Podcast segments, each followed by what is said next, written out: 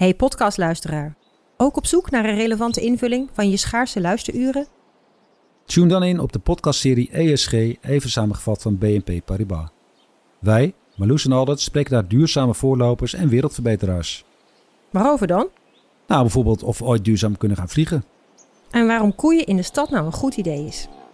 Dat en meer elke twee weken in een nieuwe aflevering. Dus abonneer je. ESG, even samengevat. Al 125 jaar kwaliteit voor jou thuis met Miele. Dat vieren we met jou. Ontvang nu tijdelijk een cashback tot 125 euro op veel Miele-apparatuur. Geniet van de kwaliteit van Miele. Voor perfect verzorgd wasgoed en kleding die veel langer mooi blijft. Voor een stralend schone vaat, even perfect als jouw diners. En een stofvrij thuis waarin echt hygiënisch schoon de standaard is. Check miele.nl voor alle feestelijke aanbiedingen.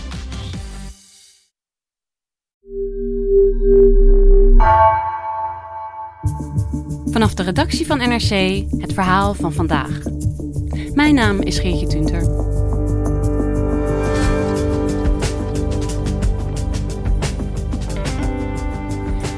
De uitspraak van de rechter is klip en klaar.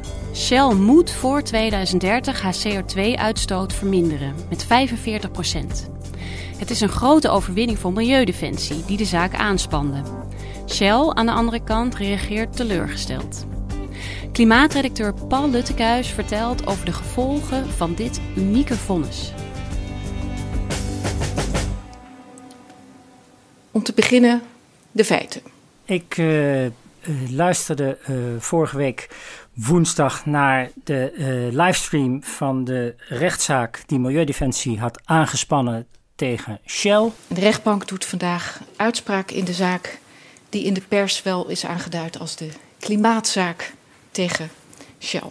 Of om precies te zijn tegen Royal Dutch Shell, RDS zoals de rechter steeds zei, want het gaat om de moedermaatschappij van het bedrijf. Volgens eisers doet RDS te weinig aan het terugdringen van CO2-uitstoot en het voorkomen van ernstige klimaatschade. En Milieudefensie eiste van Shell om zijn uitstoot in lijn te brengen met wat het klimaatakkoord van Parijs vraagt. In de praktijk vroeg Milieudefensie om een reductie van broeikasgassen met 45% in 2030 ten opzichte van 2019. Uiteindelijk besloot de rechter dat Shell in het ongelijk wordt gesteld en dat het uh, bedrijf zijn uitstoot moet terugbrengen volgens de eis van Milieudefensie. De rechtbank stelt dus vast dat RDS een reductieverplichting heeft. Als ik heel eerlijk ben, zag ik niet aankomen dat uh, Milieudefensie zou winnen. En ik was overigens niet de enige, want ik heb vooraf wel een aantal juristen hierover gesproken. En die zeiden eigenlijk steeds hetzelfde als wat ik zei. Nou, er is, er is eerder een rechtszaak geweest over uh, klimaat. Dat was de Urgenda-zaak waar de staat terecht stond. Uh, die begrijp ik wel, zeiden veel van die juristen. Maar ik kan me niet voorstellen dat er een uh, grote multinational als Shell door een rechter op deze manier wordt aangepakt. En het tegenovergestelde gebeurde. Ik uh, luisterde naar het vonnis en ontdekte steeds meer naarmate de rechter doorsprak dat Shell in het ongelijk werd gesteld. Dit is een historische moment. Meer dan wat wij ooit had kunnen verwachten. Donald Pols, uh, de directeur van Milieudefensie, was natuurlijk uitgelaten over dit vonnis. En dat kun je wel begrijpen, want ze hebben er jaren aan gewerkt. Dit is een enorme sprong voorwaarts voor een veilige en gezonde planeet.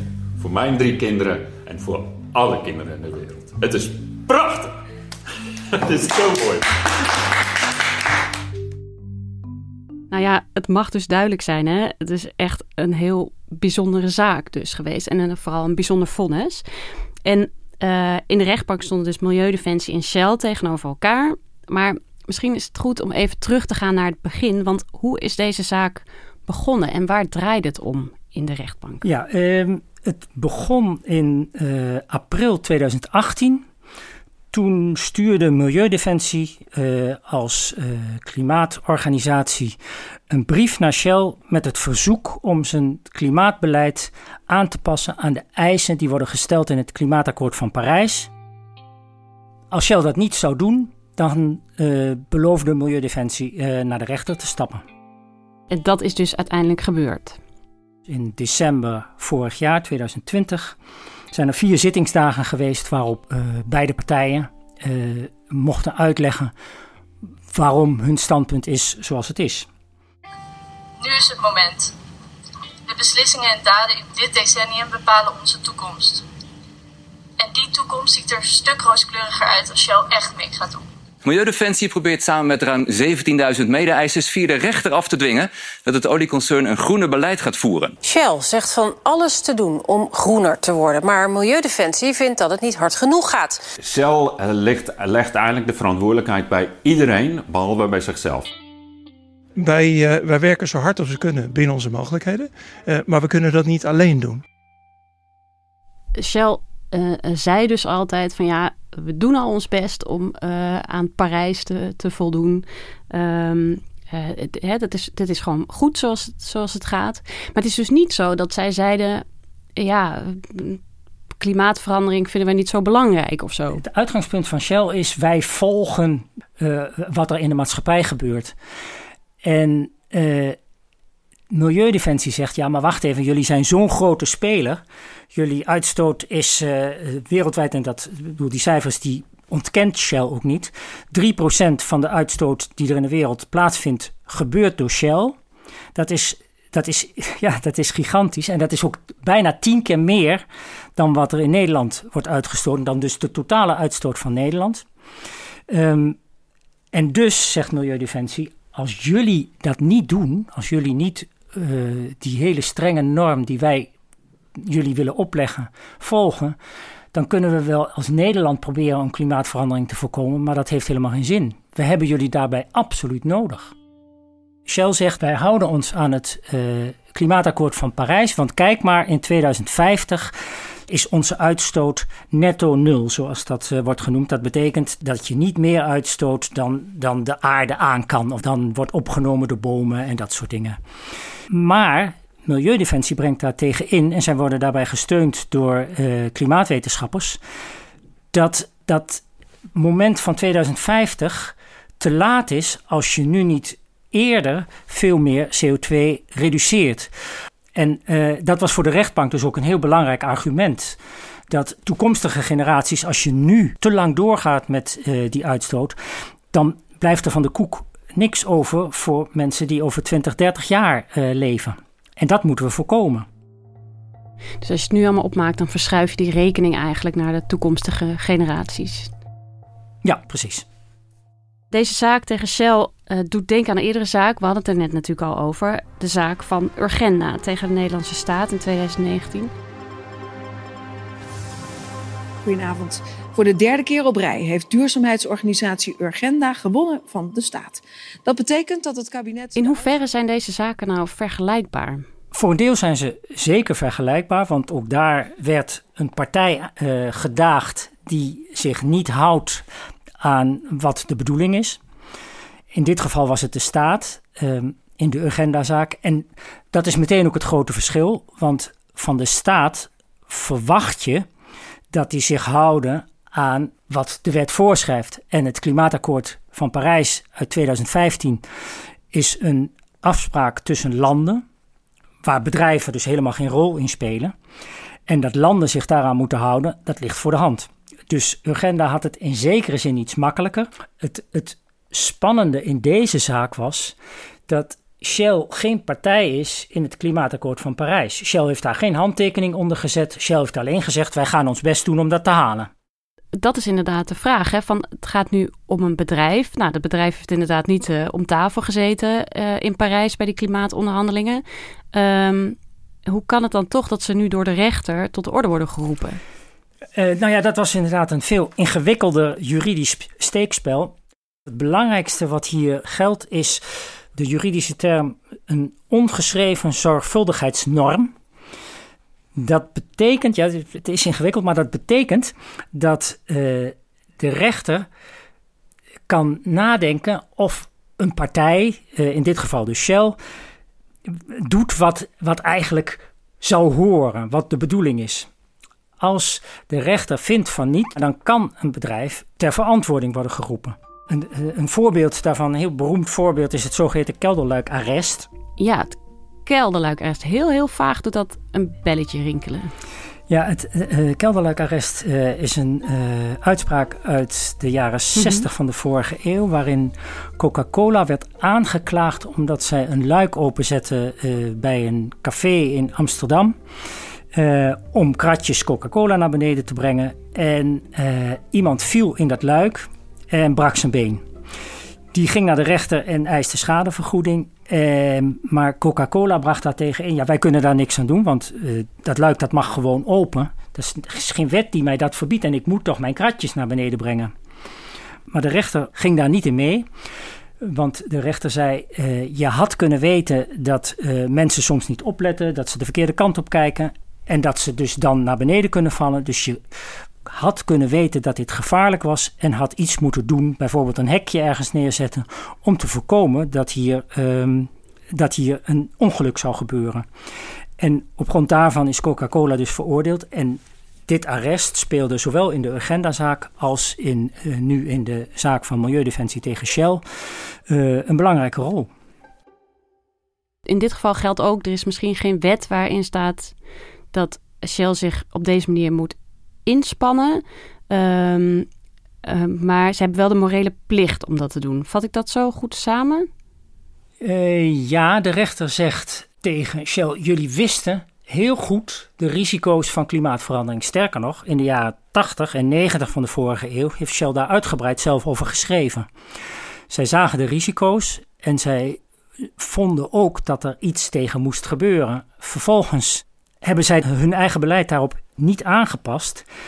En nu zegt de rechter dus, maar als je de risico's kende, dan had je dus toen eigenlijk al iets moeten doen. En, en het unieke van deze zaak is dus dat uh, Milieudefensie niet geïnteresseerd is in wat Shell in het verleden heeft gedaan, maar gewoon zegt: we weten nu hoe het staat en we moeten het nu gaan oplossen. Dus we moeten naar de toekomst kijken.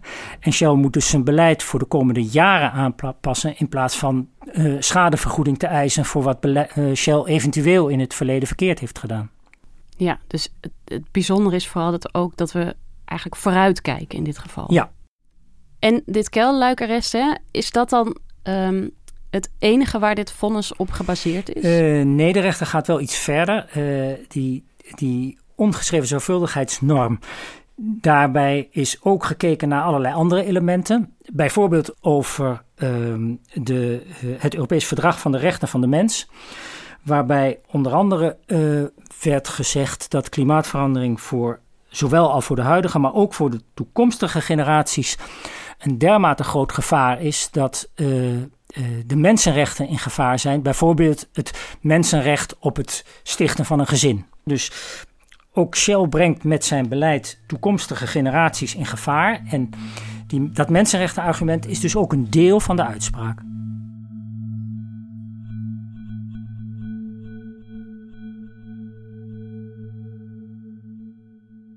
Milieudefensie is begrijpelijk heel blij dat ze deze zaak gewonnen uh, heeft. Hoe heeft Shell gereageerd? uh, verrassend uh, onderkoeld en stil. Ehm, ze hebben een verklaring doen uitgaan uh, waarin ze opsommen wat voor goede dingen ze allemaal doen voor het klimaat. En uh, daar stond één zinnetje in dat ze zeer teleurgesteld zijn over dit vonnis. Maar uh, de rechter heeft wel geëist dat het bedrijf nu meteen moet beginnen. En dus ook in het geval van een hoger beroep niet mag wachten tot daar een nieuwe uitspraak ligt. 2030 duurt helemaal niet zo lang meer. Dus Shell uh, moet inderdaad, zoals geconstateerd, aan de bak. Wat kunnen zij gaan doen om CO2 te reduceren? Daarbij moet je onderscheid maken uh, tussen hun eigen activiteiten, dus de dingen die ze doen al uh, wanneer ze olie produceren, wanneer ze olie raffineren of vloeibaar gas maken. Die activiteiten moeten zij de uitstoot met 45% reduceren. Daarnaast hebben zij natuurlijk heel veel producten die ze maken, zoals uh, benzine, diesel, kerosine. En eigenlijk is die verantwoordelijk voor 85% van alle uitstoot van Shell. Dus eigenlijk voor de bulk van wat Shell aan klimaatverandering veroorzaakt. En daarvan zegt de rechter dat ze een zware inspanningsverplichting hebben om daar die 45% te halen. Ja, het is toch wel fascinerend. Want het gaat dus ook om de benzine die jij en ik uh, tanken, zeg maar. En die oliebedrijven, als ik het goed begrepen heb, hebben heel lang gezegd: ja, maar ja, daar is nou helemaal vraag naar. Maar dat gaat dus niet op, heeft de rechter gezegd. Nee, de rechter zegt eigenlijk dat een bedrijf dat zo groot is. niet mag meebewegen met de samenleving, maar uh, voorop moet lopen. Kijk, als het gaat over bijvoorbeeld die benzine, dan in feite zegt de rechter ja, je hoeft niet meer naar nieuwe olie en gas te boren, want eh, daar, ja, dat kun je toch niet meer verkopen. Dus het laat wel zien welke richting het beleid uit moet, maar uh, de rechter wil zich daar echt niet mee bemoeien. En Milieudefensie ook niet. Duidelijk. En nu Shell in Nederland veroordeeld hè, door een Nederlandse rechter. Maar uh, de werkzaamheden van Shell hè, zijn natuurlijk wereldwijd. Het is een gigantisch bedrijf. Ja. Welk effect heeft die uitspraak dan op die andere Shell-dochters en zo? Nou, Shell heeft steeds geprobeerd in de rechtszaak uit te leggen dat zij niet verantwoordelijk zijn voor hun. Ze hebben 1100 vennootschappen. Voor die vennootschappen die in het buitenland uh, werkzaam zijn. Maar de rechter gaat daar niet in mee. Die zegt. Uh, het beleid van Shell wordt door de groep hier, door de houdstermaatschappij Royal Dutch Shell RDS bepaald. En die vennootschappen zijn uitvoerders van dat beleid. Dus als wij zeggen dat Shell 45% moet reduceren, geldt dat ook voor die uitvoerders van dat beleid. Dus voor alle 1100 bedrijven van Shell overal op de wereld uh, geldt dit vonnis. Shell heeft steeds geprobeerd om uit te leggen: wij hebben niet voldoende invloed op het beleid van die bedrijven, die doen hun eigen ding. Maar de rechter gaat daar niet in mee. En uh, wat nou als het ja, niet lukt om, uh, om daar te verbeteren? Dan zal uh, Milieudefensie opnieuw naar de rechter kunnen stappen. En dat gaan eisen. Bijvoorbeeld door uh, een dwangsom op te leggen. En dat zou de rechter kunnen doen. Die heeft dwangmiddelen. het is dus mogelijk om via een, een dwangbevel Shell ertoe te dwingen. Wat kunnen de gevolgen eigenlijk zijn voor andere bedrijven? Zet dit de deur open naar meer zaken tegen uh, multinationals in andere landen bijvoorbeeld? Kijk, in andere landen is het recht natuurlijk net weer iets anders. Maar dit levert zeker jurisprudentie op voor milieuorganisaties die ook bedrijven zullen willen aanklagen. In Frankrijk is er al sprake van dat, uh, dat Total zal worden aangeklaagd. Maar ik kan me ook heel goed voorstellen dat Amerikaanse uh, milieuorganisaties met dit vonnis in de hand naar de rechter stappen en zeggen: Kijk, in Nederland hebben ze dit besloten. Wordt het niet de hoogste tijd dat wij voor Exxon of voor, Chevron hetzelfde doen? Uh, er zijn veel juristen die Nederland op dit gebied inmiddels wel een beetje een gidsland noemen. Want het zijn twee grote zaken die in Nederland zijn gewonnen. En dat, maar dat is dus de ene kant. Je hebt ook nog die andere kant, namelijk moeten we dan vervolgens naar KLM stappen of naar Tata Steel en zeggen: uh, jullie moeten je uitstoot ook verminderen. Tonne Pos van Milieudefensie, goedenavond, welkom. Fijn dat u er bent. Gisteren hadden we weer de directeur van Tata Steel uh, te gast. Is dat nou zo'n bedrijf waar u uh, van denkt, daar ga ik mijn pijlen op richten? Wij zien liever dat bedrijven zelf de noodzakelijke actie uh, onderneemt. Weet als je? ze dat niet doen... En als ze het niet doen, dan, uh, dan kunnen ze verwachten dat wij uh, actie ondernemen. Ja. Tata Steel is inderdaad één. Dat ligt wel iets ingewikkelder dan... omdat Shell dit moet, moet KLM dat ook. Want bij die ongeschreven zorgvuldigheidsnorm moet de rechter dus heel specifiek kijken naar dat bedrijf waar het om gaat. En KLM bijvoorbeeld, die kan voorlopig niet zomaar zijn CO2 reduceren, behalve als zij stoppen met vliegen. En datzelfde geldt een beetje voor Tata Steel. Dus als je met dit arrest in de hand naar de rechter stapt om ook van die bedrijven strenge eisen te uh, vragen, dan zal de rechter dat helemaal opnieuw gaan beoordelen, maar niet zomaar. Dus jij moet ook 45% reduceren in 2030. Ja, precies. En nou is het natuurlijk nog heel vers, hè, deze uitspraak. Dus het is natuurlijk logisch dat we nog niet precies weten hoe zich dat allemaal gaat ontvouwen. Um, maar wat denk jij als we, ja, weet ik veel, over twintig jaar terugkijken of zo? Is dit dan een historisch omslagpunt geweest, deze uitspraak? Dat zou zomaar kunnen, ja. Want uh, het, het, is, het eist nu van een van de grootste multinationals ter wereld, een van de zwaarste vervuilers ter wereld, dat ze een plicht hebben als het gaat over klimaatverandering. En dat is tot nu toe eigenlijk nog nooit zo direct uitgesproken. Ja, nou, interessante tijden voor jou als uh, klimaatwatcher. Zeker. Dankjewel, Paul. Graag gedaan. Je luisterde naar Vandaag, een podcast van NRC. Eén verhaal, elke dag. Deze aflevering werd gemaakt door Misha Melita, Wijken van Koolwijk en Stef Visjager. Dit was vandaag, morgen weer.